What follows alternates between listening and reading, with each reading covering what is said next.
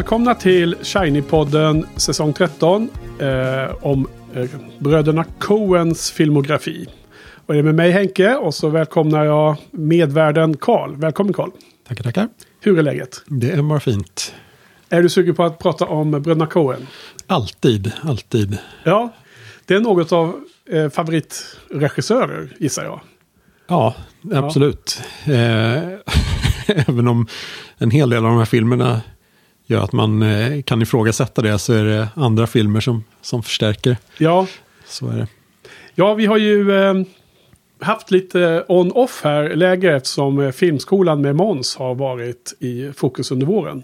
Men nu är filmskolan slut och eh, förra veckan hade vi också en Shiny-podden special med eh, eh, rankade album, jag och Niklas från 1973. Hoppas att lyssnarna upptäckte den, det avsnittet. Men nu är vi åter här då med Bröderna Coen och vi kommer nu köra två avsnitt till här under juni månad. Och sen blir det sommarbreak helt plötsligt. Så hela den här säsongen kommer att bli upphackad. Jajamän. Men vi kan i alla fall säga att vi då kommer att ha klämt fem filmer av tio. Så att vi har fem filmer kvar för hösten och då blir det nog lite mer vecka, vecka för vecka. Mm. Ja. Precis. Nej, jag har ju eh, jag, jag har börjat fundera på det här med hur högt upp på ens lista av eh, bästa regissörer som eh, Coens hamnar hos mig. För att som du säger, vissa av de här filmerna, eh, när man ser om dem nu då flera år senare, att de kanske inte riktigt eh, fyller, uppfyller den, den förväntningen man har byggt upp under många år. Men vi får återkomma till det. Så vilka två filmer ska vi prata om idag? Vilken, vilken Bröderna Coen och vilken är vår tilläggsfilm? Mm, Coen-filmen är ju Oh Brother Where Art Thou från 2000. Och bihanget är eh, Down By Law av Jim Jarmusch från eh, 86. Ja, och där fick vi ju en eh, rolig kommentar från Sofia när jag annonserade vilken, vilken kombo det var från den här podden. Hon, hon verkar inte gilla Jim Jarmusch så mycket. nej, Eller hur? Du, nej. Såg, du såg den va? Det noterades. Ja, hon, hon, hon var bestört som det verkade och undrade varför vi valt det. Men vi får väl återkomma till det, för det var jag som föreslog den den här gången. Vi har ju, eh, av våra tio filmer på den här eh, säsongen så har vi ju lyckats få fem val var. Lite så, ungefär. Fem, fem, sex filmer. Vi har några, några dubbletter som extra film någon gång. Okej, okay, men du, eh, låt oss börja med Oh Brother Where Art Thou. Först va? Ja. Så berätta, vad, hade du sett den här tidigare? Mm, absolut. Eh, det är ytterligare en av deras eh, mer välkända filmer. Eh, kan tycka. När den kom så var det ett ganska stort event någonstans. Ja. Även om filmen inte gick superbra kanske, oklart. Men så gick ju soundtracket eh, vansinnigt bra. Vann eh, Grammys och vann någon eh, eh, Country Music Award för bästa sång och allt möjligt. Så det, det var ju stort ja. kulturellt event då, början av millenniet. Ja, precis. Det var det här Man of Constant Sorrow. Just det. Och det var massor med kända countryartister som var med och sjöng på det här soundtracket som jag förstod. Ja. ja precis. Alison Krauss och Emmylou Harris och massa andra. Exakt. Gillian Welch, som för övrigt också var med i en biroll. Såg du det? Nej, det missade jag. Nej, hon var med som någon uh, skivaffärskund. Mm. En kvinna i slutet av filmen som kom in och undrade om den här skivan fanns. Att få tag på. Med Soggy Bottom Boys eller vad det nu heter. Uh, och han uh, i skivaffären säger att de, de, flyger av The Shells. Vi, vi har inte kvar den ännu. Den lilla scenen så är det, hon var ju bara som en cameo då. Gillian Welch, väldigt känd. Okej, okay, okay, fortsätt. Um, Stor kulturellt i avtryck då, år Mm. 2000, med musiken. Men var, var inte filmen också ganska Jo, kreddig bland tyckarna tror jag? Ja, det kan väl stämma väldigt bra. Eh, George Clooney var väl eh, väldigt poppis då också. Så det Mm. var Också ja. också en stor händelse att han eh, syntes i en sån här eh, skojroll. ja. Ehm, så ja, nej, den var... Minns man väl eh, som bra. Ja, och du Film. gick och såg den på bio eller? Eh, det utgår jag ifrån. Mhm. Mm. Även om jag på den tiden inte var särskilt förtjust i Coen-bröderna tror jag. Då hade jag inte riktigt fastnat för Big Lebowski ännu. Jag tyckte Fargo var lite överskattad. Ja, just det. Och du hade inte sett den här eh, eh, Barton Fink som du älskar Nej, ännu precis. riktigt. Nej, det var samma för mig. Jag var inte fokuserad på Bröderna Coen då. Jag tror, jag tror att jag egentligen blev förtjust runt No Country for Old Men då så sent. Mm.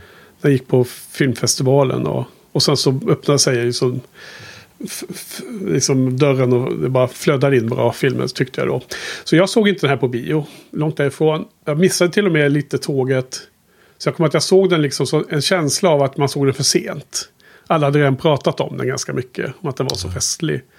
Så att jag tror jag alltid har haft lite motvind i den här filmen. Du vet. Allt beror så mycket på vilken kontext man ser den och ens författade meningar om man säger så. Absolut. Ja, okej. Jag har i alla fall inte sett om den sedan dess.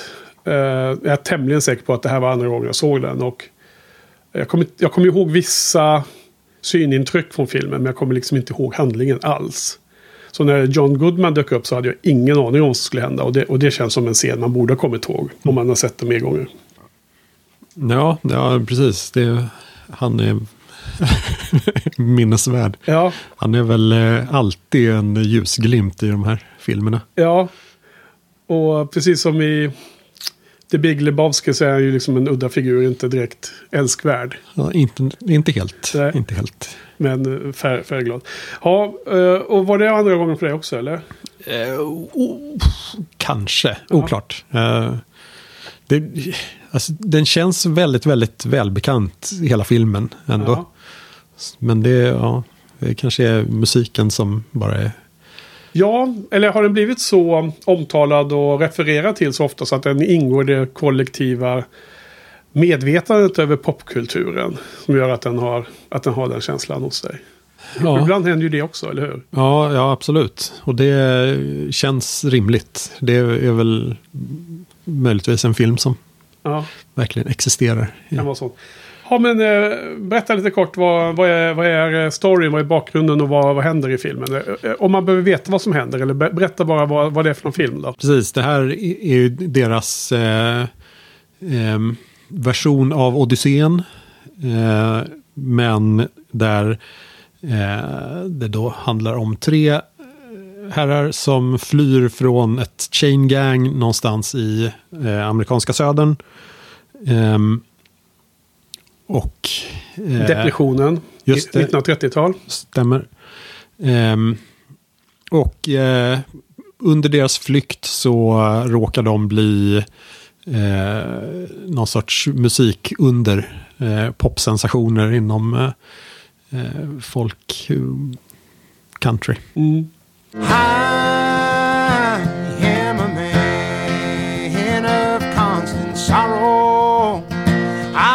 Trouble all my day. Ja, och sen, precis. Sen är det eh, som sagt baserat på Odysseen. Så de eh, stöter på en massa intressanta figurer eh, i mer eller mindre eh, lösryckta scener. Och tar sig igenom. Ja, just att- det. det. Filmen känns väldigt episodisk i någon mening. Mm. Också. Det, det, så ska det vara, eller? Ja, det, finns, det är väl lite roadtrip-grej. Ja. som det är en sorts, en sorts grundberättelse som kan funka. Mm. Eh, och så är det någon sorts karaktärsutveckling, kanske över tid, tills de når i mål. Ja, vem är det som skulle vara protagonisten? Vem är det som genom... Som utvecklas och lär sig någonting på resan? Är det, är det George Clooneys Everett eller? Ja, Att han blir... Eh, det bör väl sansar sig och come clean där med sin, sin lugn till sina kompisar. Och försöker bättra sig mot frun och så här. Ja, samtidigt som egentligen har hans utveckling är väl tveksam. Men det borde ju vara. Det är han som är protagonisten någonstans. Ja, men ja, är det så att bröderna Coens filmer ibland liksom saknar den förväntade strukturen? Att det kanske är därför de, de känns så egna i sin stil ibland? Ja, att de återvänder till eh, eh, startpunkten i princip. Att, att huvudpersonen gör sin långa resa eh, men lyckas undvika att utvecklas överdrivet mycket. Ja, Eh, om man ser The Dude, ja, är, han är samma när han börjar, när han kommer i mål. ja precis. Det blir bara en slice of life där. Han har inte Ja. ändrats nå- någonting. Är det, är det tillfredsställande, en sån struktur? Eh, för mig, ja, Ja. Eh, absolut. Eh, väldigt, väldigt eh, tillfredsställande. Ja, det är ju en eh, helt oväntad men briljant koppling till eh, nästa film, eh, Jim Jarmers film. Han har ju ofta sådana slice of lives eh, filmer där man inte ser någon jättestor förändring från ruta ett till sista rutan. Eh, tänker på Pat- eh, Patterson till exempel, med en nylig film från 2017 eller något sånt där. Eller 18 kanske. Ja, bra som attan i alla fall. Adam Driver, om du har Ja, sett den. nej, tyvärr inte. Jag misstänker att det skulle vara den första bra oj. Det var en hot take. Men jo, som vi sa i introsnacket så Sofia verkar ju eh, ha, en, en stark åsikt om Jim Jarmusch. Så du kanske säljer dig till hennes sida då. då. Ja, jag har inte sett särskilt många, Nej. om man säger så. Ja, men vi ska återkomma till det. Jag måste kolla på hans filmografi. Jag har sett 12 tror jag. Oj, Och eh, känner mig lite något som en Jim Jarmusch. Eh, inte fantast, men eh, jag har i alla fall sett ganska mycket med honom och gillat en hel del saker. Får återkomma till det. Så Oh Brother Where Art Thou. Var någonstans hamnar den då? Eh, Är det en bra film? Är den eh, i toppskiktet av Bröderna Coen nu? Mellanskiktet eller i bottenskrapet? Eh, Hur, hur ser du på det hela? Eh, den känns väldigt, väldigt egen på något sätt. Så att den eh, ligger lite utanför skalan. Ehm, kanske för att den har det här soundtracket som lever sitt eget liv Mm. eh, utanför filmen. Eh, kanske också då att stackars Carter Burwell knappt existerar. Ja, men fick han vara med överhuvudtaget eller? Jo, men han, eh, Han står inte med på Wikipedia. Nej, det är taskigt. Mm. Men han finns med, han syns ju inte jättemycket i credits heller. Där Nej. de splashar upp T-Bone Burnett. Ja, Eh, som satt ihop eh, liksom allt. Eh, countryaktigt. ja, precis. Mm. Och eh, såg till att de eh, spelades in och arrangerades på bra sätt. Eh, men det fanns ju lite nykomponerad musik också som Burwell gjorde. Jaha, Men det, är bara en enda av deras filmer som han inte har jobbat alls på. okej. Eh, Burn After Reading tror jag. Jaha. Den- kommer ju i andra halvan av den här säsongen. Jajamän. Då ska vi se den Brad Pitt-filmen. Ja. Jaha, vad var det för någon anledning till att han inte var med där då? Var, han, var det scheduling conflict som det brukar heta? Det här är en bra fråga. Får eh, läsa på tills, okej, okej. tills dess. Men, Eller eh, de eh, var arga på varandra kanske. T- T-Bone Burnett. V- Vem är det då? Vad är det för någon snubbe? Ja, det är någon sorts musiker som verkar eh, vara väldigt hemma i eh, den här sortens musik. Han var ju också med och satte ihop soundtracket till eh, Big Lebowski. Okej. Eh, Som ju också är ett väldigt eh, effektivt soundtrack fyllt av eh, gamla Mm. dängor. Ehm, han var också med sen på Inside Llewyn Davis. Mhm. Där det ju också är en massa Mm, då är det 60-tals folkmusik. folkmusiken. Ja. Ja, för att jag känner igen hans namn väldigt tydligt. Men jag kan inte riktigt placera om, om det är de här filmerna bara eller om det är andra grejer han har gjort. Var han, var han till exempel med och, han var inte med och jobbade med det här True Detective och de där grejerna eller? Mm, bra fråga, det kan man tänka sig. Det kan de intresserade googla om. Det orkar vi inte göra just nu i poddningen här. Okej, men musiken är en viktig del i det hela. Ja, men, eh, och den är lite egen säger du. Eh, Ja, det kanske jag kan hålla med om. Eh, även om jag tycker att den har ju den... Om man nu direkt kommer till mina beklaganden över den här filmen så är ju det här ytterligare en sån här komedi som bygger på att de tre huvudpersonerna ska vara så korkade som möjligt. Kanske. Du får gärna rätta mig eller fördjupa bilden. Men att jag, jag har ju märkt att jag blir inte så road av det längre. Och det har liksom dragit ner flera av deras filmer i mina ögon nu när jag ser om dem. Om det har att göra med att det är 20, snart 25 år senare eller om det har att göra med att ja, jag vet inte vad det är. Eller om humor är ju oftast ganska, eller kan ju vara tidslös. Men väldigt ofta är ju humor också kopplat till en tidsera. Väldigt så daterad känns det som. Ja, Eh, Men, men, men på så sätt så känner jag att den inte är så unik i deras lista.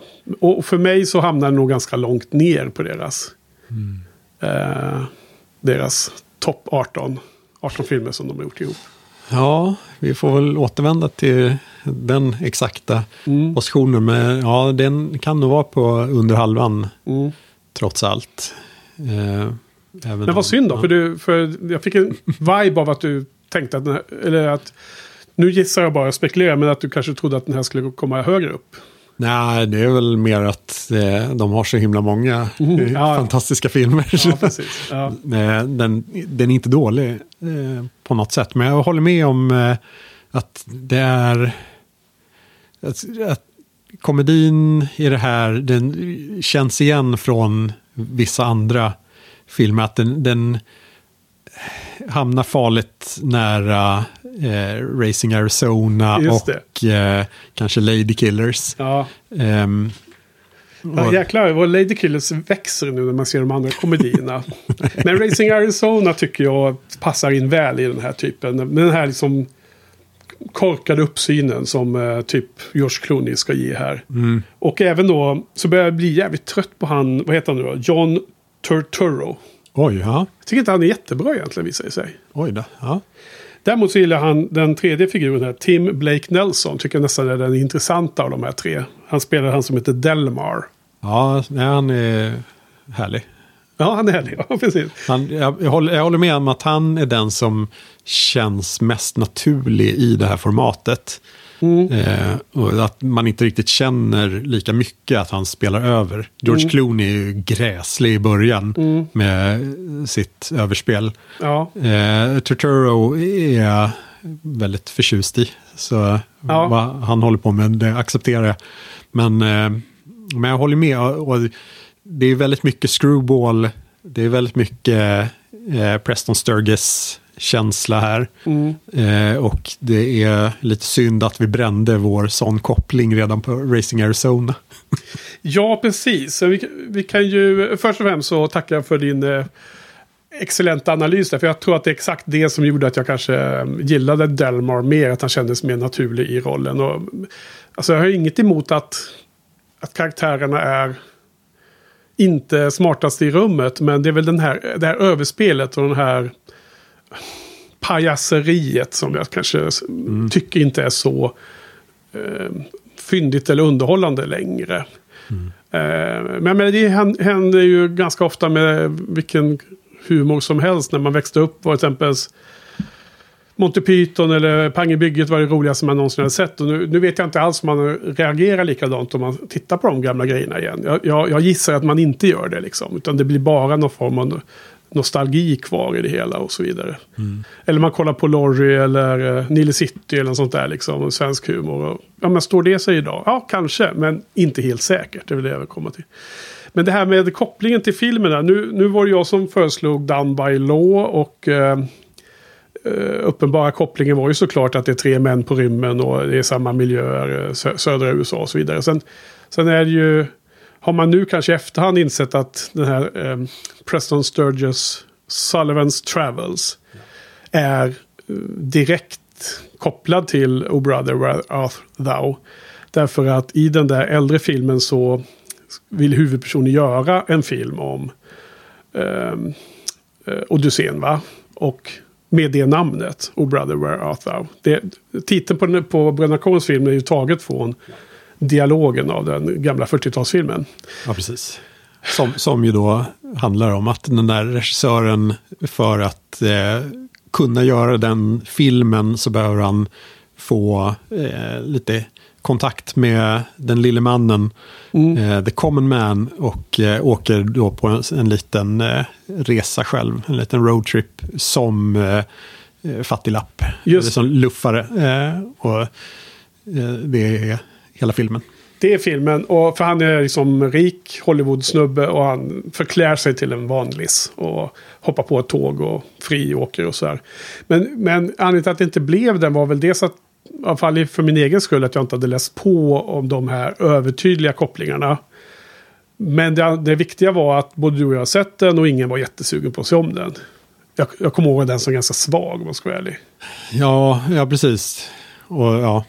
Och så brände vi det krutet på Racing Arizona. Där tog vi ju en Preston Sturges-film istället. Så, ja, exakt. Så att, eh, det är bara Robert Altman som är bra nog att få två filmer i den här Eh, Exakt. i den här resan på säsong 13. Likväl som helst så var det kanske en missed opportunity. Men eh, ja, vi ska prata lite mer om Down by Law om en stund. Men då, då får jag försöka motivera varför det hamnar i den. Då, då. Men äh, åter till det här så... Äh, ja, men det var bara att reda ut de här, det här lite överspeleriet. Då. Och jag, jag, jag tycker den här komedin är... ehm, eh, inte lika spännande eller fräsch i mina ögon längre. Och det gör ju liksom att eh, vissa delar av filmen faller lite. Sen det andra då, jag, jag, som jag funderar mycket på, det var ju att jag kände mig opåläst och okultiverad i, i förståelse av Homeros och Odysseen. För att kunna göra de kopplingarna som jag misstänker att bröderna Coen som är belästa och insatta säkerligen hade massor med sådana här referenser till som jag missade. Och jag tror att det finns två ganska stora tydliga kopplingar till den kända gamla grekiska sagan. Eh, men utöver dem så kände jag mig villrådig och inte riktigt hittade de här kopplingarna. Och då kände jag att saknar man massor med referenser som skulle gjort filmen mer elegant på något sätt när det gäller det, den biten. Ja, så, precis så kan det ju vara. Sen ehm, det vet man inte ifall de bara hänger upp den just kring en sån historia för att det ska bli just snyggt och roligt att se hur de har eh, anpassat sin historia efter eh, den mallen eller om det faktiskt finns något djupare att eh, liksom få ut av det ifall Mm. man förstår vad, vad ja, någon sorts eh, ehm, sensmoral och saker. Hur Ja. det, och ifall man behöver jämföra den med något original. Det är oklart. Nu, Ja, och där hade jag hoppats att du skulle eh, lysa upp rummet och förklara alla smarta kopplingar och så. Men jag tror att vi... eh, För, för att eh, till exempel, eh, du hade ju mycket djupare insikter runt The Dude och eh, The Big Lebowski. Och efter vi poddade om den så tror jag att jag hörde på någon filmpodd eller om jag läste det på internet någonstans någonting om att The Big Lebowski är som en eh, träffsäker satiranalys av det, det amerikanska politiska systemet med demokraterna mot republikanerna. The Dude mot, eh, vad heter han nu, John Goodmans karaktär där i det. Walter. Walter, ja. Och då, det kanske vi skulle ha pratat om då, jag vet, vet inte. Men det finns väl många sådana här teorier. Du vet, Toy Story till exempel, trean, det ska ju vara en eh, eh, ren... All, allting som händer i trean ska vara refererat till Bibeln och sådana grejer. Det finns sådana olika Ja, okej. teorier slash analyser. Så vad är det den här filmen har för något smart? Ehm, det, det man ser uppenbart är väl, det första gången är väl att de, de här tre hjältarna på rymmen hör eh, kvinnor som sjunger och vid en flod tre eh, vackra kvinnor håller på och tvättar kläder tror jag. Något sånt där. Just det. Och det är de här sirenerna då som lockar och förhäxar våra hjältar. Ja. Det är ju taget från eh, Odysseen va? Ja. Eh, ja, Och här lockar de med en eh, vacker sång av just Alison Krauss och Emily Harris och Gillian Welch. Eh, Jaha, som sjunger den. Ja, precis. Så det är ju ehm, men ganska bra ändå klippt och så. Jag var lite osäker på vem som sjöng det där. Mm. Jag har inte kollat upp det. Det, det såg ut som att de sjöng, men det, det var bara fake då. Ja. Ja, så är det. Ja, den är ju väldigt effektiv, den, den scenen. Och sen eh, eh, när det väl slutar så har en av eh, de här försvunnit. Om det är John Turturro. Ja, precis. Eh, då blir det den här fyndiga eh, komiska lilla utvikningen med att han har blivit transformerad till en liten groda. Va? Just det. En padda. Ja. Eh, ja, jag vet inte vad det, om det liksom är kopplas någonting till hur eh, gubbarna i den gamla sagan tog sig fria från sirenerna. Men det, det, det måste man väl läsa på då för att se om det fanns något Ja, mer att hämta där i jämförelsen. ja, och den, eh, om man ser till, eh, just som du sa, att de eh, samtida politiska kopplingarna i Big Lebowski, eh, sådana finns ju väl väldigt explicit här eh, Ja. också egentligen om eh, alltså, mm, en annan del av eh, den... Spektrat. Ja, av det republikanska underbellyn Ja. i, i södern med rasistkopplingar och saker. Ja, Och eh, det, det är ju intressant när man ser tillbaka. Just då kanske man inte eh, såg på samma sätt eh, em, som liten svensk. em, exakt vad som hände och sånt där. Men nu i efterhand så kan man ju väldigt tydligt se att det här ledde upp till alltså, eh, valet 2000 mellan eh, Al Gore och, och Bush. Mm. Eh, var ju väldigt eh, en vattendelare. Det, själv hade jag ju börjat få mina eh, kopplingar till USA och hade i alla fall funderingar på att hur skulle det vara ett alternativ och kanske flytta dit lite grann. Eh, och konstaterade... Florida. Ja, precis.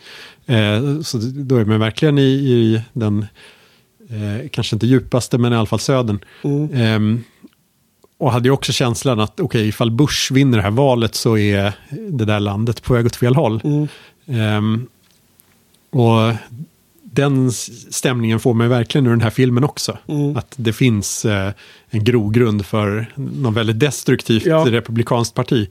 just det. Eh, men även om sen, någonstans blir slutsatsen i den här filmen att det kommer lösa sig. Ja. ja, det är liksom den här, han introduceras ju ganska tidigt den här eh, sittande guvernören va? I Louisiana eller vart de nu är. Och, eh, och sen så är det helt plötsligt hans utmanare är ju någon sån här häxmästare i Ku Klux Klan. Eh, ja, ja, men, men, men först, vad är, jag förstår inte riktigt budskapet mer om att det uppenbara liksom. Det är liksom som att, jag vet inte, är eh, bröderna Coen vill, vill säga ytterligare en gång som alla andra säger att det inte är bra med Ku Klux Klan liksom. Ja, någonstans, alltså det, det är ju lite roligt bara att de ställer lite rasismen mot eh, eh, popkulturen. Att, ja. eh, vilket är viktigast för, för folket. För väljarna ja. Ja, ja, de gillar ju skön musik. Det är ju Ja. faktiskt viktigare än deras hat mot svarta. Ehm, även om inte alla politiker vill, vill acceptera det. Men att man då har eh, vissa politiker smarta nog att utnyttja det där till sin fördel. Ja, Men, det, eh, det är egentligen det, det som är roligt med hela den långa sekvensen är ju just att båda eh, politikerna som stä- ska ställas inför varandra i det här valet försöker utnyttja väldigt simpla medel liksom. Och, eh, s- känner av strömningarna i rummet och det är det, deras eh, åsikt i frågan. Men det, är också, det kanske också bevisar hur fragilt det då är och hur, hur eh, riskabelt det är om man har de här underströmningarna liksom, som är onda egentligen. Liksom. Ja, För, för då är det en bra låt vann den här gången ju.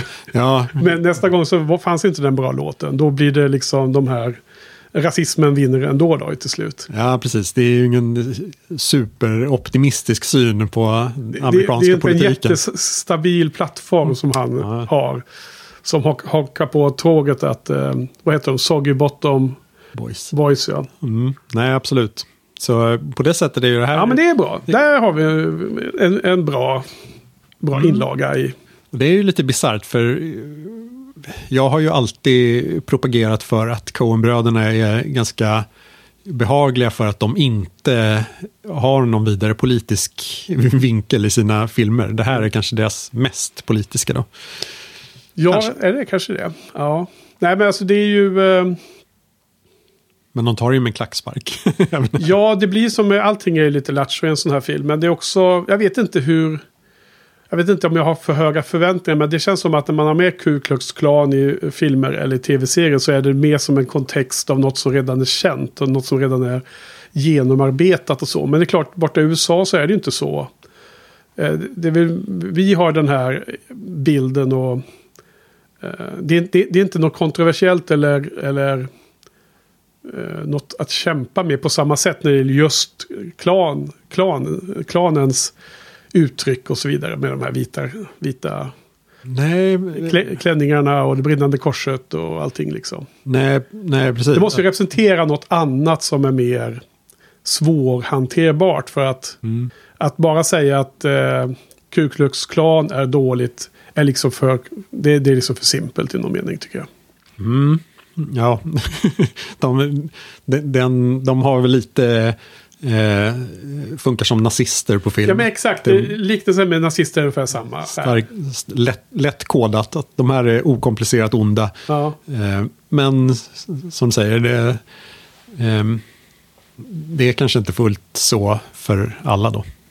Nej, nej, men dels att det kanske absolut finns poänger med i... För man ser ju hur USA utvecklats och på något sätt fanns det liksom en... De blev förberedda på, de blev mottagliga för Trump liksom. Det var det som...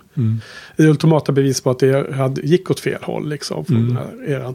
Men det är ungefär som man jämför med nazisterna eh, i film. Det är liksom som att ha en krigsfilm från andra världskriget där poängen är att nazisterna var onda. Det, det är liksom känns som att det är redan gjort för länge sedan. Ja. Det räcker liksom inte. Och samma sak ser jag på eh, Ku Klux Klan. Men det måste representera något annat liksom. Måste ta det ett steg till då. Men det, det fanns säkert eh, det här med att eh, den faller mot en eh, simpel eh, countrylåt var ju kanske kul i någon mening.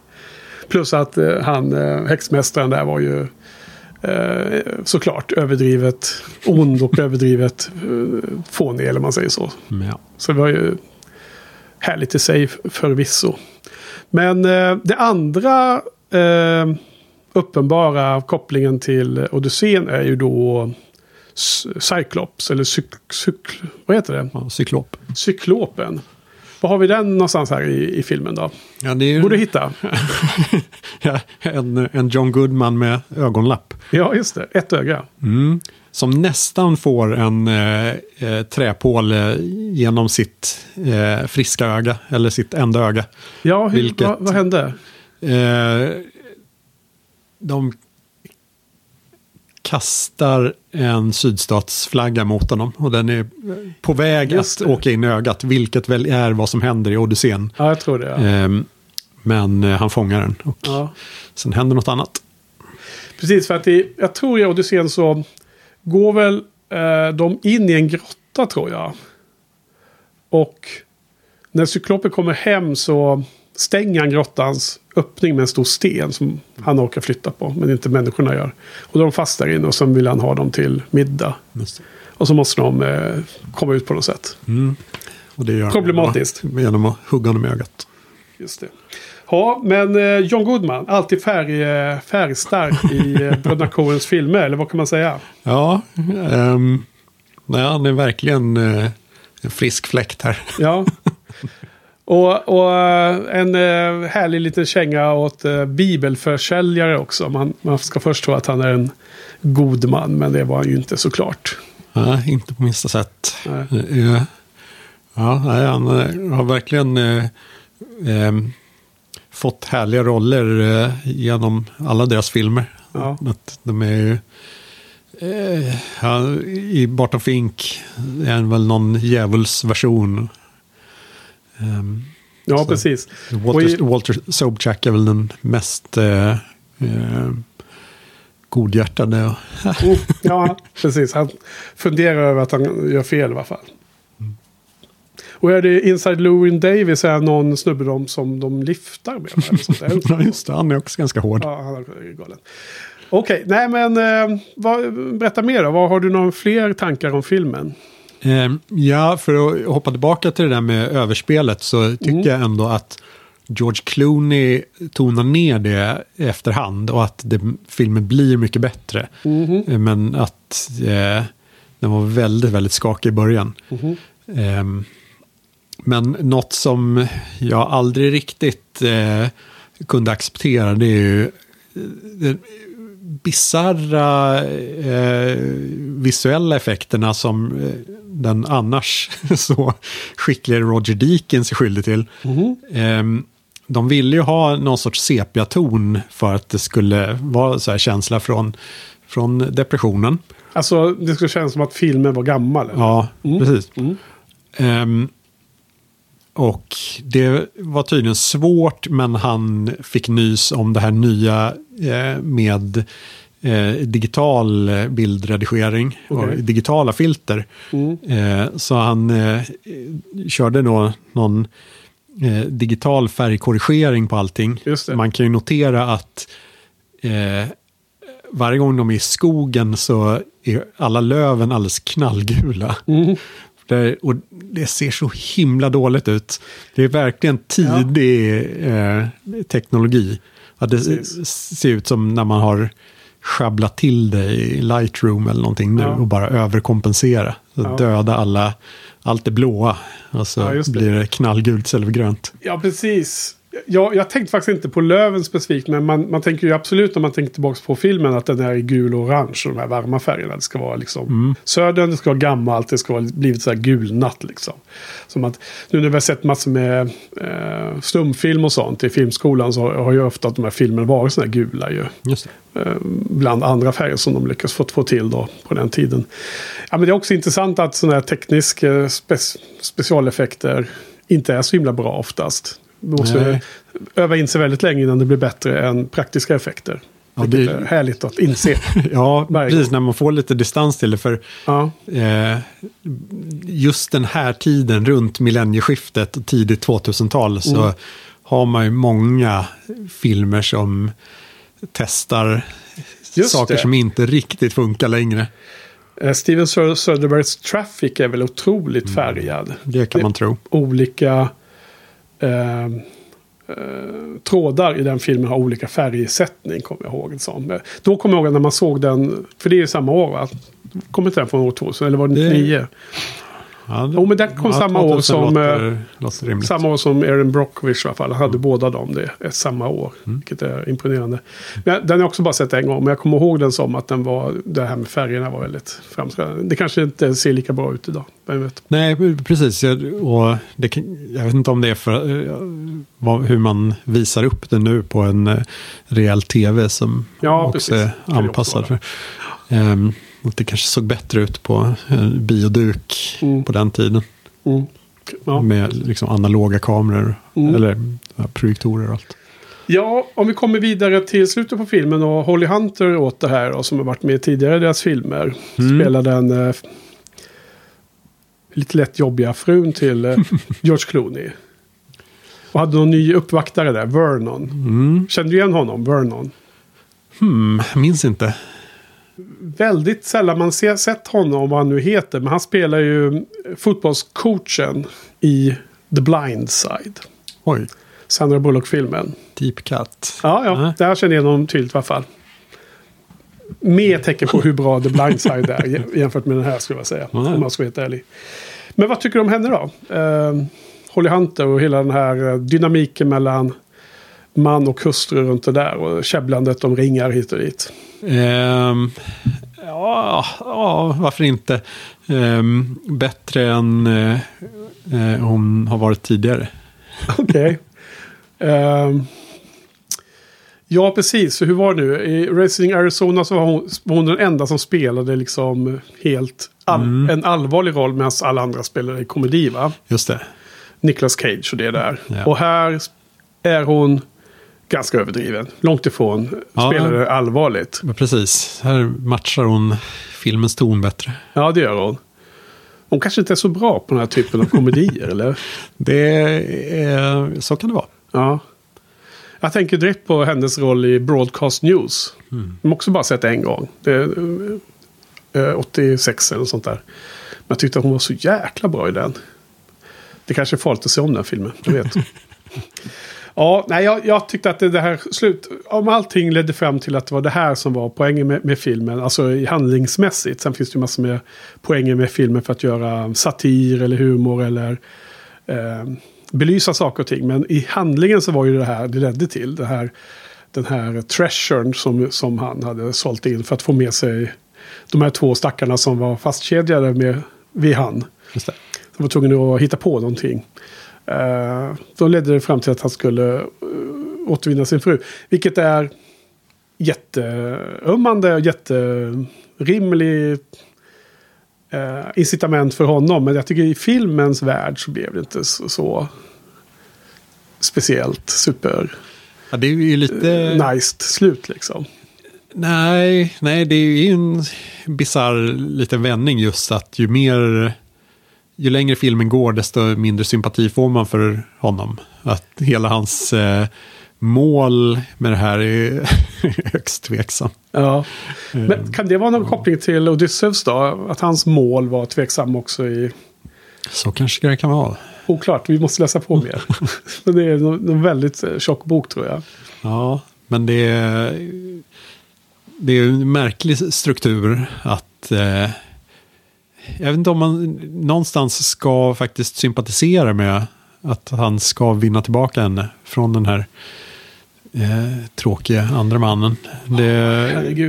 Det, det är ju inte en... Men känner en, man det då? Alltså det är inte en historia man gör längre på samma sätt skulle jag säga.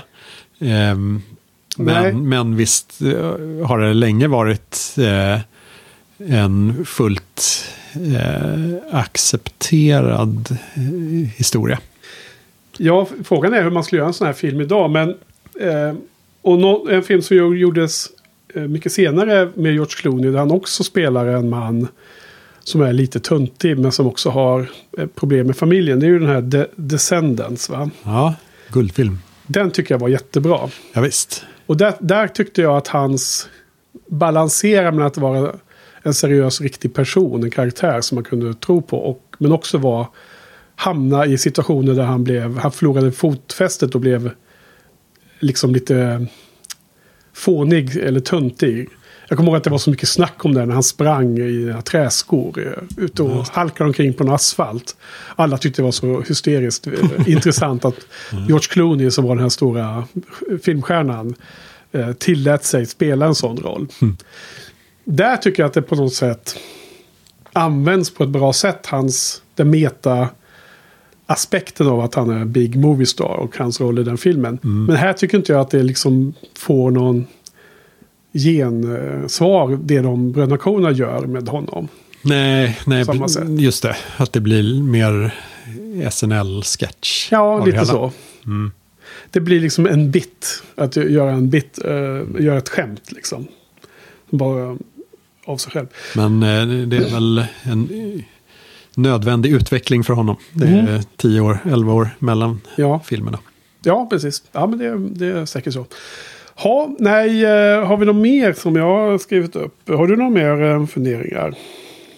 Um, nej, vi har hoppat över vissa delar i filmen. Mm. Vissa karaktärer. Babyface Nelson. Ja. Lite småkul eh, eh, figur. Ja, helt crazy. Någon sån här... Eh, vad heter de? Eh, Bonnie and Clyde. Just det. Typ från samma era. Som åker runt och bara sugen på att skjutas och rånas. Och jätteglad när han ska hamna i elektriska stolen. Just det. Men eh, ja, exakt, det enda som eh, berör honom eh, negativt är just smeknamnet Babyface ja. som han inte alls gillar. Ja. Han var lite rolig. Ja, kanske. Ja, men han var väl lite fyndig. Men det, det, det kändes också som att det var helt bara inkastat som en helt egen liten sektion i, i filmen. Den, den kändes inte ja, integrerad eller liksom Förstår du vad jag menar? Ja, nej, absolut. Det är ju verkligen bara att de råkar eh, snubbla in i hans, mm. i, i, hans historia. Och mm, så får det. de bara beskåda det lite. Det som är kanske lite är ju eh, att en av dem eh, eh, har blivit frälst eh, av någon...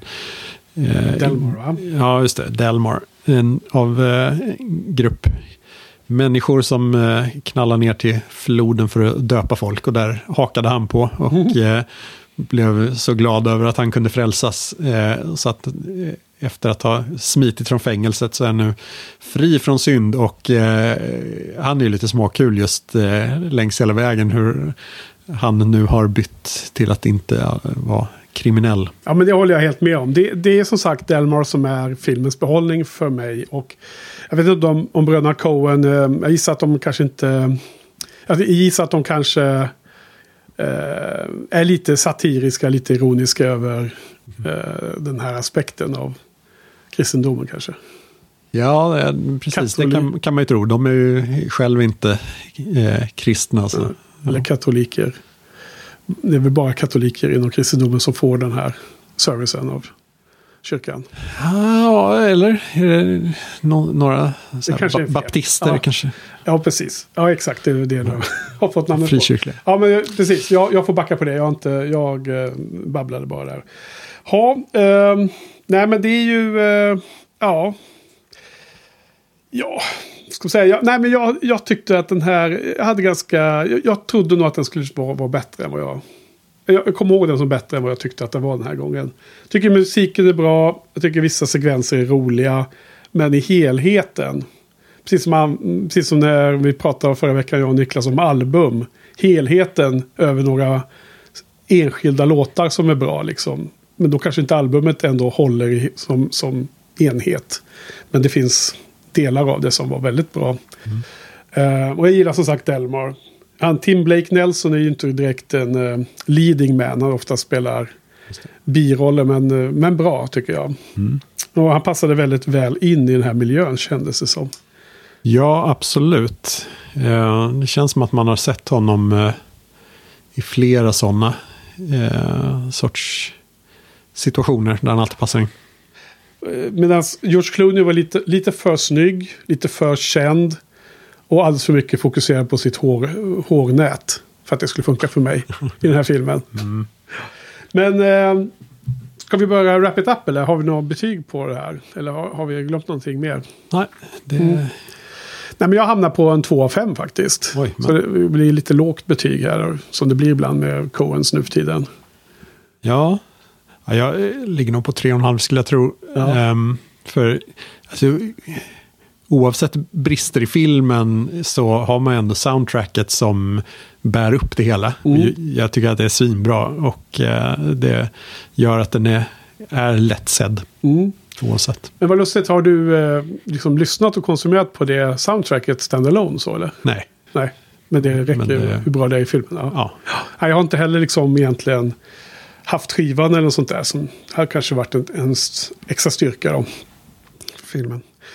Okej, nej men det var det. Nej, jag har väl börjat inse att vissa av deras komedier eh, inte riktigt faller mig på läppen längre. Ja. Nu kommer vi ju i nära framtid då, eller direkt eh, efter semestern här kommer vi ha den här, eh, en annan komedi, eh, vad heter den nu då, med Brad Pitt då, får vi se hur den funkar. Ja, just det. Burn After Reading. Burn After Reading. Den är ju mycket, mycket yngre film. Ja. Så då har allting ändrats igen.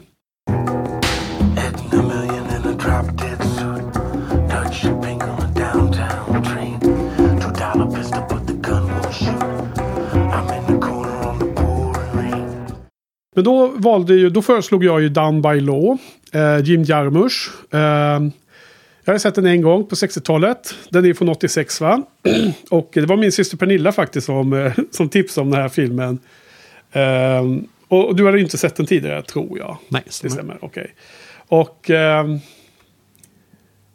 det uppenbara jämförelsen var att det är tre snubbar som rymmer och de är i sö södra delen av USA. Här, I det här fallet så håller de på att traska omkring i ett träsk mestadels. Och att det var den här eh, blandningen av komedi och drama om man säger så. Som oftast också Bröderna Coen kan hålla på och blanda in i sina filmer. Och jag hade väldigt eh, eh, svaga minnen från filmen. Alltså, jag kommer inte ihåg så mycket så jag var sugen på att se om den. Det, det, det Pernilla pratade om när, då på på 60-talet var just den här roliga Bob. Roberto Benigni, eller vad heter han? Just det. Benini. Benini. Och hur han hade dödat en man med, med ett skott. Ett, ett kast av den här eh, nummer åtta biljardbollen.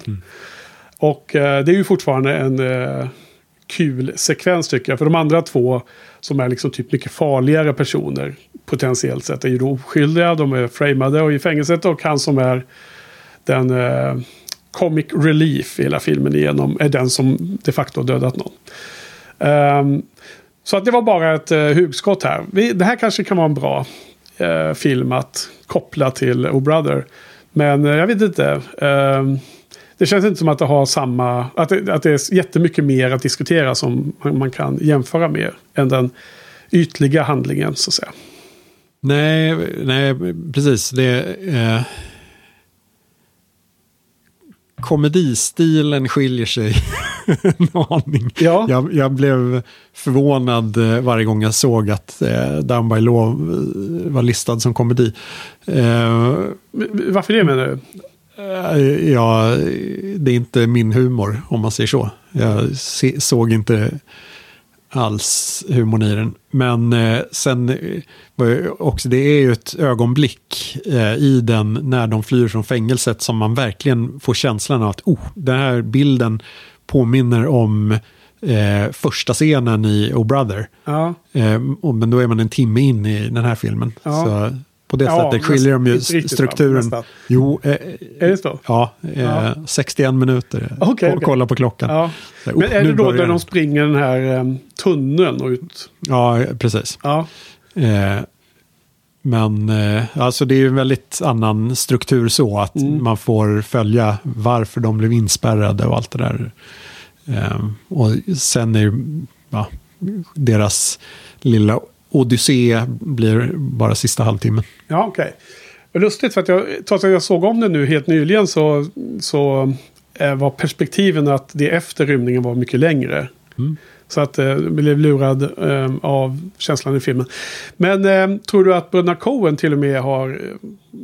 Eh, eh, att det är en blinkning till den här filmen bara för att du kände igen scenen så väl? Eller är det bara en slump tror du? Jag undrar ifall det finns kopplingar till ännu äldre saker. För jag funderar just på om Cohen någonsin kan ha fått sin inspiration från Jarmusch och känner väl att det finns inte minsta spår i, i deras filmer av det här. Nej, alltså för att...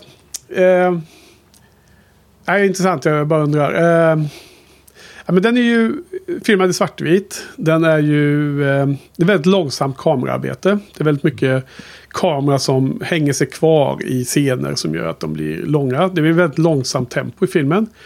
Eh, som jag absolut inte har några problem med. Men man, man blir ju medveten om att film idag inte, görs ju inte riktigt på det sättet längre. Um, till råga på allt så kan jag berätta att jag och Måns gick och såg var en klassikervisning av 2001 Space Oddity på Park. Nej, inte Park utan på Rigoletto. Den, du vet den är ny där inne. De har gjort om där inne. Ja, Jävlarna kom in och så skulle servera mat hela, hela tiden. Helt, helt absurt. Den där jävla dörren smällde och så. Just en sån 2001 är ju precis som Down by Law jättelångsam. Om man är van med modern film. Låt oss säga att den är, båda dessa äldre filmerna går lite långsammare än en film som Fast X eller sånt där. Ska jag gissa. Jag har inte ens sett den, men jag, jag kan säga det uttalandet ändå. Även så jag kan gilla det och båda de här tycker jag att det är en bra effekt. Men jag kan absolut förstå folk som lyssnar på podden eller random filmtittare som bara blir jätte mm, otålig eller nervös över en sån här långsamt berättad film. Eh, hur funkar det för dig? Det- är egentligen inget problem för dig gissar jag, men Nej, det kan nej, vara andra precis. saker i filmen som... Om, man, om det finns något att fastna för. Ja, precis. Så att själva eh, tempot i sig är inte problemet utan innehåll. Sen tycker jag det är intressant att det då dels etableras väl varför de, de bakgrunden, man får följa de här lite innan de åker i fängelset. Det är en bit i filmen och sen så får man då överhuvudtaget inte se hur de flyr, vilket jag tycker är ganska roligt klipp. Mm, det, ja, det, är Det, det liksom behövs inte. Det har vi sett i Man Escaped och andra filmer. Och Flykte från Alcatraz och så. Då får man se hur man håller på och flyr. Så här kommer de bara ut och sen är det då deras eh, äventyr där. De går omkring i ett träsk och sådär. Uh, Ja, jag måste säga att jag tyckte av de här två filmerna så var ju den här filmen klart bättre. Wow. Tycker jag. ja, därför att det är, det är väldigt lite i handlingen. Det är väldigt mycket i uh, feelingen i filmen. Stämningen. Jag tycker att han, Bob, Roberto Begini, vad heter han? Benini. Benini. Eh, Det var hans första så att säga, amerikanska film tror jag. Ja, okej. Eh, Jag tycker han är skön. Tycker framförallt att Tom Waits är ju helt underbar skådespelare. eh, I den här filmen. Och sen är det den tredje figuren spelas av han John Laurie. Som jag är lite osäker på om han har varit med så himla mycket olika grejer. Han har varit med i en del Jarmusch-filmer. Ja men det har han kanske. Jag har ju sett eh, flera men då har jag glömt av exakt vilka det är.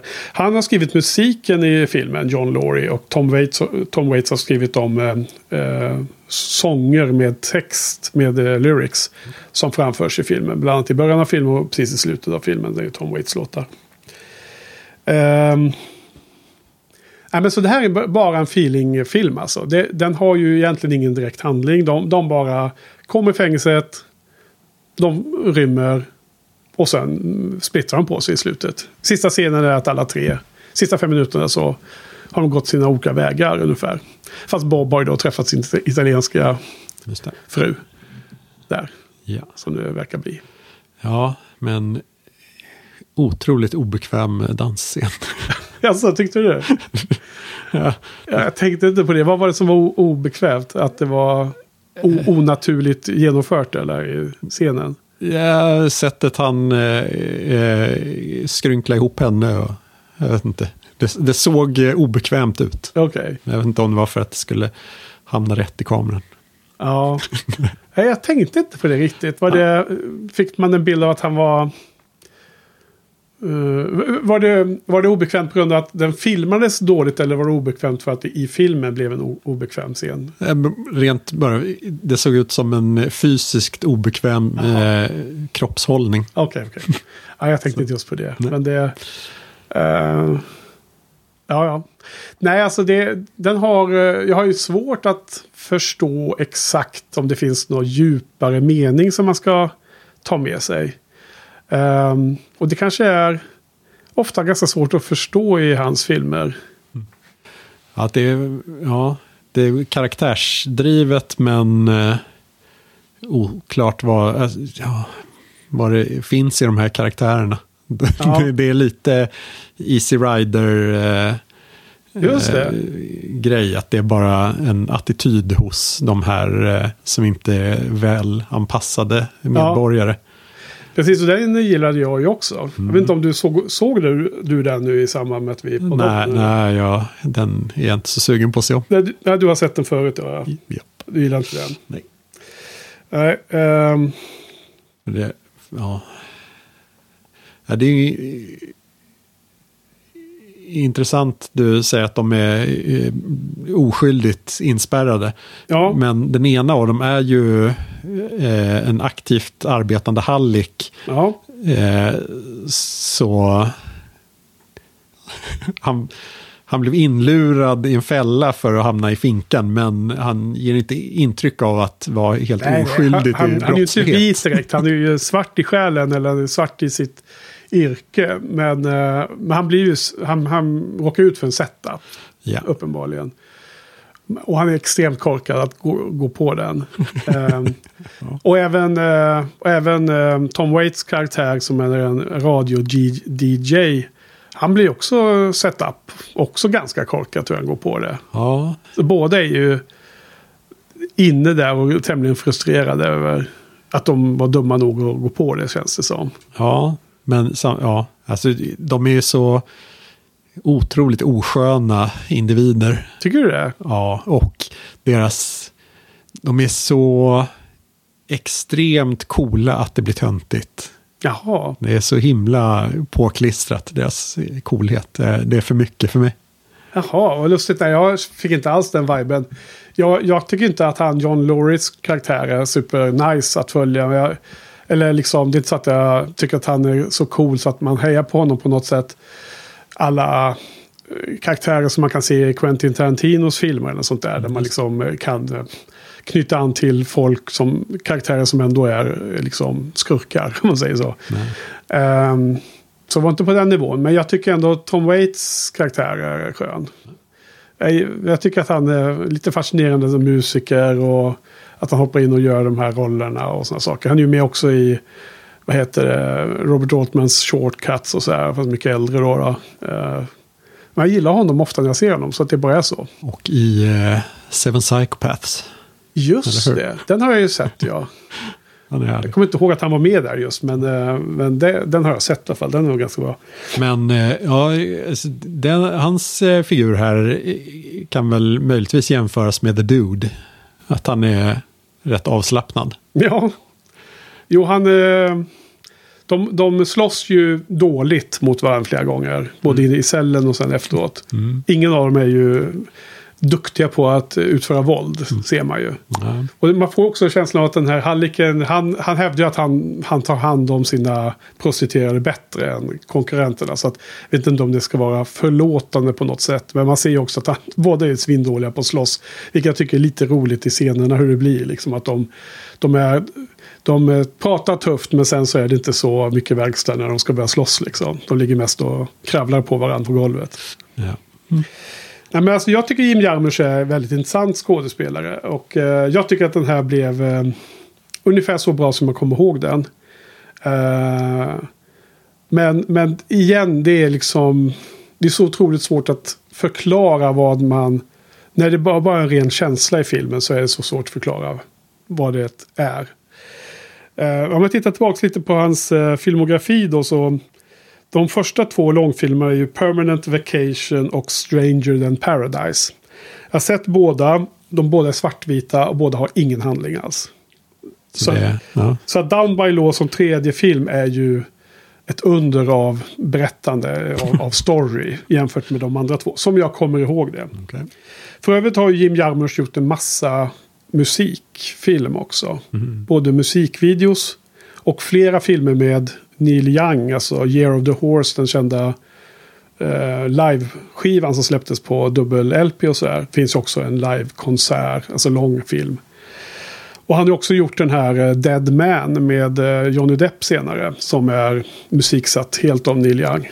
Om du, har du sett den rackaren eller? Jag har inte det. Den, det är ju en film jag vill se.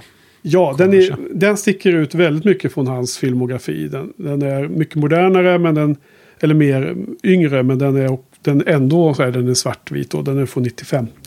Och eh, den är ju lite mer eh, djup tror jag. Det finns något där i. Ehm, så den har jag ju sett och gillar. Night on Earth är jag inte så förtjust i. Eh, Men sen har vi då, sen börjar det komma lite bättre filmer, yngre. Dels har vi den här Ghost Dog, The Way Just of the Samurai. Som jag tycker är bra. Ja, Väldigt eh, bra. Ja, den minns jag som väldigt bra också. Där, den är väl eh, helt musiksatt av eh, The RZA, sådana. Wu-Tang. Clan. Ja, jag vet inte. Jag har inte koll på det. Eh, Det är lätt för mig att veta Neil Young som jag har stor favorit där. Senare så kommer, kort efter det, kommer den här Broken Flowers med Bill Murray. Tycker jag är jättebra. Har du sett den? Nej. Nej, avskyr Bill Murray. Ja, det var ytterligare en skillnad då. Sen kom vi fram till 2009 och- av de som jag har sett. Och då är det en film som jag såg på filmfestivalen och såg fram emot som attan. 2009 var det The Limits of Control. Och det var en sån total bomb för mig. Total miss, missberäkning. Jättelångsam och som, det upp, som jag uppfattade som superdjup. Men jag fattar ingenting om vad han ville med den här filmen. Det handlar om någon eh, typ lönnmördare som satt och funderade på sitt liv ungefär. Kommer inte ens ihåg vad den handlar om riktigt. Så, såg du den någon gång? Nej. Nej. Men sen har vi då några väldigt bra filmer. Eh, Only Lovers Left Alive. Eh, vampyrfilmen. Mm, precis, den har ju sina 2013. poänger i hur den använder Detroits förfall som skön backdrop till en vampyrhistoria. Men Ja. även den lider ju av eh, rollfigurer som är alldeles för coola för... Ja, där är de. Där, där är de ju, det är själva poängen med den här filmen. Att det, är Tom Hiddleston och Tilda Swinton som spelar det här paret. Jag, jag, jag tycker den är, att de är, de är coola så in i helvete. Det, det är nästan så att det liksom inte funkar. Men jag, jag köper det ändå. Men den är ju otroligt romantisk tycker jag. Det är hela den här vampyr, den här romantiska aspekten av va, vampyrsägnerna som den tar fasta vid. Och sen tre år senare har vi Patterson. Och den är ju kanske hans bästa film skulle jag vilja säga som jag har sett. Eh, Adam Driver och Golshifte Farahari. Ja. Hon är bra. Oj. Det gillar du förstås. Jajamän. Det tror jag du har sagt tidigare. Och sen den senaste som jag har sett är ju The, Do- The Dead Don't Die. Mm, och den är ju svinbra. Ja, Det, den gillar jag verkligen. men det är en komedi. Ja. Och, eh, men också i, eh, vad är det, zombie eller vampyr eller vad är det? Zombie är det. Ja, just det. Den eh, fi- fick mig att tycka om Bill Murray igen. Ja, Bill Murray, Adam Driver, Tilda Swinton. Tom, Tom Waits är med där också. Men. Så att, eh, sen har han släppt någon 21, 2021 som heter French Water. Och där har inte jag ens, visste jag inte ens att den fanns. Har du sett den? Nej. Nej. Men av alla dem, jag har inte nämnt alla här nu, men eh, eh jag har sett 12 av hans filmer. Och, eh, men då har jag inte räknat med de här Neil Young-konsertfilmerna och det. Och på IMDB, så här får man ju ta det för, för vad det är. Vi skiter ju egentligen i IMDB-betygen, men jag tyckte det bara var en lustig trivia. Av alla de 12 jag har sett av han så är det ju Down by Law som har högst betyg Jaha. på IMDB. Oj, oj, oj. Sen har jag inte varit inne och kollat på Letterboxd. Den, den kanske är mer relevant. Men, men den är över fyra på Letterboxd. Oh, okej. Så att jag vill bara hävda att jag är ensam i världen. Även om du och Sofia nu trackar den här filmen 100%. Så för lyssnarnas eh, allmän orientering så är det tydligen en film som många fler tyckte att den här feelingen var. Men, Inte bara okej utan kanske på plussidan. Ja, det är ju väldigt mycket eh, 80-90-tals eh, indie. Ja, arty farty, indie. Lite skitnödigt. Mhm. Men som sagt, om man kommer in i stämningen i filmen så tuffar den på ganska bra. Jag var så pass inne i filmen att jag inte ens hade koll på de här tidsstämplarna när du sa att de, att de rymde efter 61 minuter och så. Det kändes som att det var mycket tidigare etc. Liksom, för det händer mer saker i, i andra halvan. Ja, Men, men dessutom är det väl en och, nästan 1,50 lång va? Så, den, så det är Ja, ju precis. mer än en halvtimme kanske. Ehm, så jag har inte så mycket mer egentligen att eh, eh, förklara missödet att jag råkade nominera den här. Jag är ledsen för att den inte föll, föll bättre på, på landade bättre i det här valet då. Men så är det ibland. Och vi, vi gick in med det att vi chansar lite, vi skjuter lite från höften. Och vi kommer ha fler filmer nu framigenom av de här eh, Companion-filmerna som vi inte ens har sett någon av oss. Och då är det ju rent så här höftskott. Liksom. Det här känns som att de kanske passar ihop. ja precis. Eh, Så det kommer bli så här mer. Ja. Eh, men i och med att den här är från 80-tal och i och med att de är nere och traskar i det här träsket runt omkring så blir också positivt, eh, positiv eh, koppling till en annan film som jag eh, som kanske stärker känslan lite. Och det är den här som jag undrar om du har sett nu då, en film från 1981 som heter Southern Comfort. ja, just det. En Walter Hill-film, Ja. en, en thriller. ja, den är hård. Ja, med Keith Carradine, Powers Booth, Fred Ward och Brian Jones. Du vet han från eh, Blade Runner. Spelar en av replikanterna. Eh, vad tyckte du om den? Är den eh, bara hård eller bra också eller? Eh, jo, men den är, den är ju väldigt eh, eh, påfrestande. den är stressig. Ja. Eh, ja. Det är riktigt, många dåliga val Ja, som leder till dåliga konsekvenser. Ja. Ja, den, är, den är bra, absolut. Eh, precis, för där är de i precis samma miljö. Som, eh, fast den är, är väl i färg gissar jag.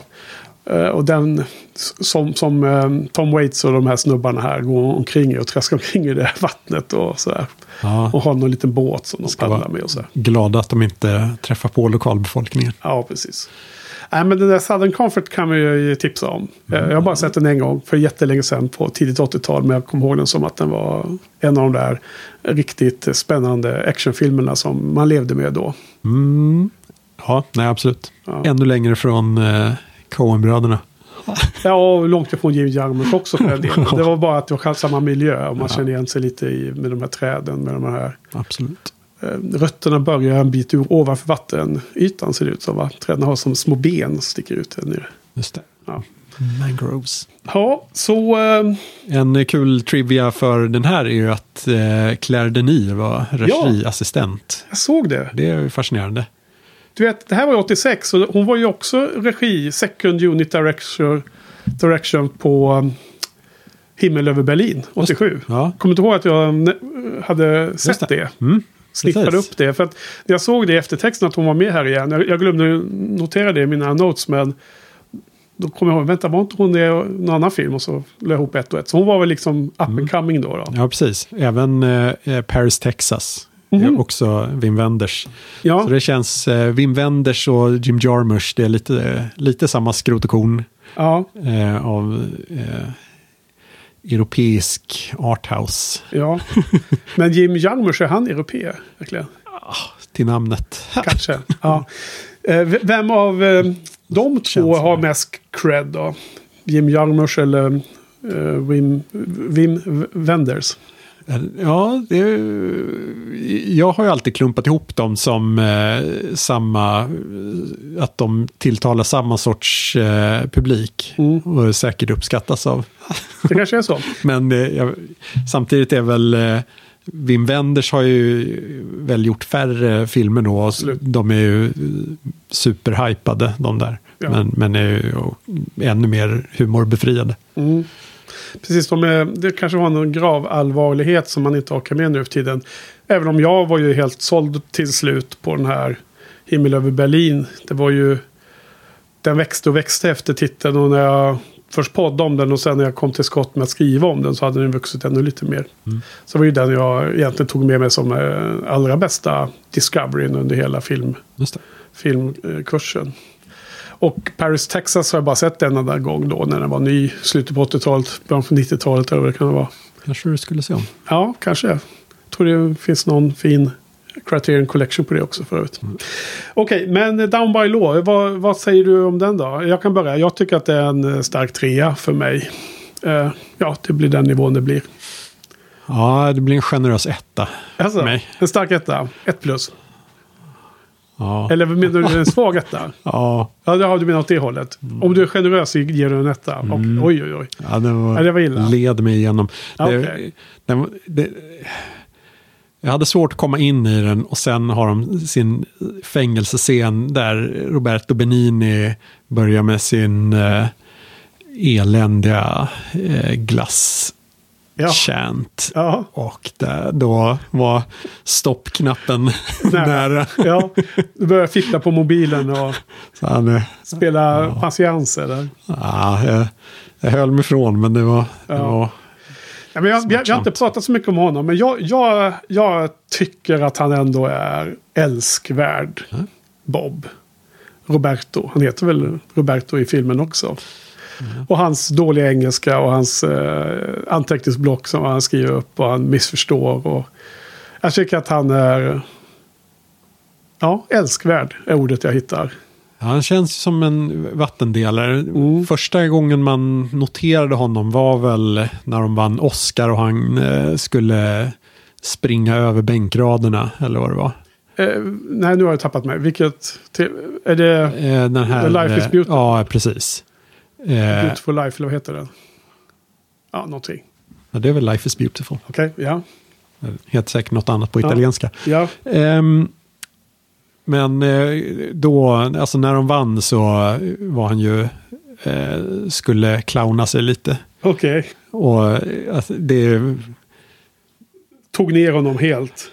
ja, precis. Att för vissa kanske det är charmigt. För, för dem det inte är charmigt så är det odrägligt. Ja. Eh, alltså, hans eh, sån här clownhumor är verkligen inte min humor. Nej, och jag har all respekt för att det vävs in personligheten även utanför filmvärlden. Alltså det, skådespelarens karisma och personlighet är ju, har ju en poäng. Det är en del i man uppskattar olika skådisar. Jag var då inte, jag har inte blivit Jag har inte sett det här eller varit, varit med om det eller sett det på tvn eller något sånt där. Nej, precis, men det är ju hans komiska uttryck även här i, i filmen är ju det där. Ja, lite. Alltså, ja precis. att, Då är eh, ju också en roll han spelar. Så att ja, det blir ja, annorlunda om det är, också privat då. ja, men det, det känns verkligen som att det han får den här sortens roll för att det är det han gör. Ja. Det, Han hade gjort massor med filmer i Italien innan Down by Law. Men, men sen den här Life is Beautiful, den kom ju länge efter den här. Så att, eh, jag har sett någon mer med honom. Jag tror Frans visar den här Johnny Stecchio. Eller något sånt där. Eh, någon italiensk film. Då var han också så här pajas. Ja. Eh, Den gillar jag inte alls lika mycket. Här, här tyckte jag att han blev på något sätt... Jag vet inte vad det är, om det är nostalgiska minnet av en festlig film man såg när man var under rätt ålder för att gilla den här typen av film. Eller, eh, alltså lite yngre och lite mer Måns ålder. Eller om det var helt enkelt så att de andra två var, som du säger, coola. Men i mina ögon kanske mer neutrala slash realistiska. Medan det fanns en comic relief och att det funkade för mig just då i den här setupen. ja, kontrasten dem emellan är, är väl Finns ju helt där. klart. Ja. Okej, men du, eh, vi ska gå vidare. Vad har vi eh, framför oss då? Vi ska nu podda en vecka till innan vi tar ett break för semester. Så är det då. Och vad är det vi ska komma fram till? Vad är det vi ska jobba med då? Ja, Ska du presentera det nästa veckas filmer för, för de, de som vill hänga med? Ja, och här blir också en, en ganska naturlig eh, övergång kanske via Down by Law. Att Ja. det blir en svartvit och inte eh, så himla eh, komisk film. Nej. Eh, Som också är ganska långsam. ja, i The Man Who Wasn't There från 2001. Ja, Och med eh, kompisfilmen Double Indemnity av Billy Wilder. Från 40-tal någon gång. 1944. Två svartvita filmer. Eh, två filmer där båda, speciellt Double Indemnity, men båda klassas nog som film noir. Absolut. Och även Bröderna Coen där. Eh, inte någon eh, pajig skrattfest alla komedi. Utan lite mer, vad kan det vara? Drama slash bara betraktelse. Det gäller Bröderna Coen. Ja, det blir spännande att se ifall det bara är en... Eh, eh, ja, i, I vilken utsträckning det är en neo-noir. Ja. Eller bara en, eh, en eh, återskapande gammal stil. Precis, och jag har sett den en gång. eh, För det var i början på, precis efter millenniet som jag under en kort period skrev recensioner på eh, Discshops hemsida. Försäljningsstället. Det var långt innan filmbloggen.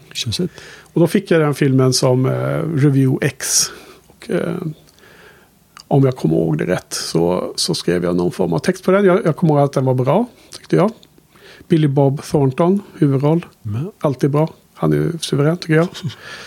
Du har också sett den förut förstås. ja, Mm. Du var inte lika positiv eller? nej. Nej, Så den kommer överraska positivt hoppas jag nu då. Gott.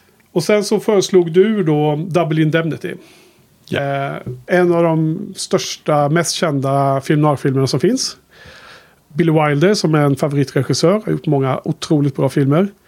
Den har, det hade jag sett men jag var väldigt sugen på att se om den. För att jag tror att jag inte riktigt fattade dess stor, storhet när jag såg den första gången. Exakt samma här. Samma för dig. Ja. Jag har Spännande. sett den två gånger och inte riktigt sett storheten. Men nu tredje gången gillt. Yes. Lite som när jag såg om The Big Sleep här och så. När du och jag hade... Just det. Eh, för det är också Billy Wilder va? Det är det inte. Nej, det är Howard Hawks. Det var Howard Hawks eh, festival du hade. Men de är, jag blandar ihop dem ibland för att de har många sådana kända titlar som man gillar. Men The Big Sleep eh, förstod jag storheten i när jag såg om den. Så att nu känner jag att nu är det dags att se, se storle, storheten i den här. Så det ska bli jättespännande. Men det är två lite mer eh, sombra filmer va? Som inte är lika Ja. skojfriska. Och det ser jag fram emot lite faktiskt. Ja. Det råkar bli så i planeringen. Och sen efter det så tar vi eh, sommarbreak. Så är det. Japp. Okej, något annat? Har, har vi fått med allt eller några mer, mer kommentarer? Här är jag nöjd. Du är nöjd? Det är jag också då. Då tackar vi alla lyssnare som lyssnar. Och eh, gå gärna in på Fripps filmrevyer och kommentera. Om ni vill. Den här. Och sen så på återhörande om en vecka. Hej då! Well, you play that tarantella, all the hounds will start to roar.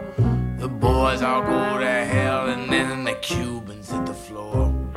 They drive along the pipeline, they tangle to their sore. They take apart their nightmares and they leave them by the door. Let me fall out of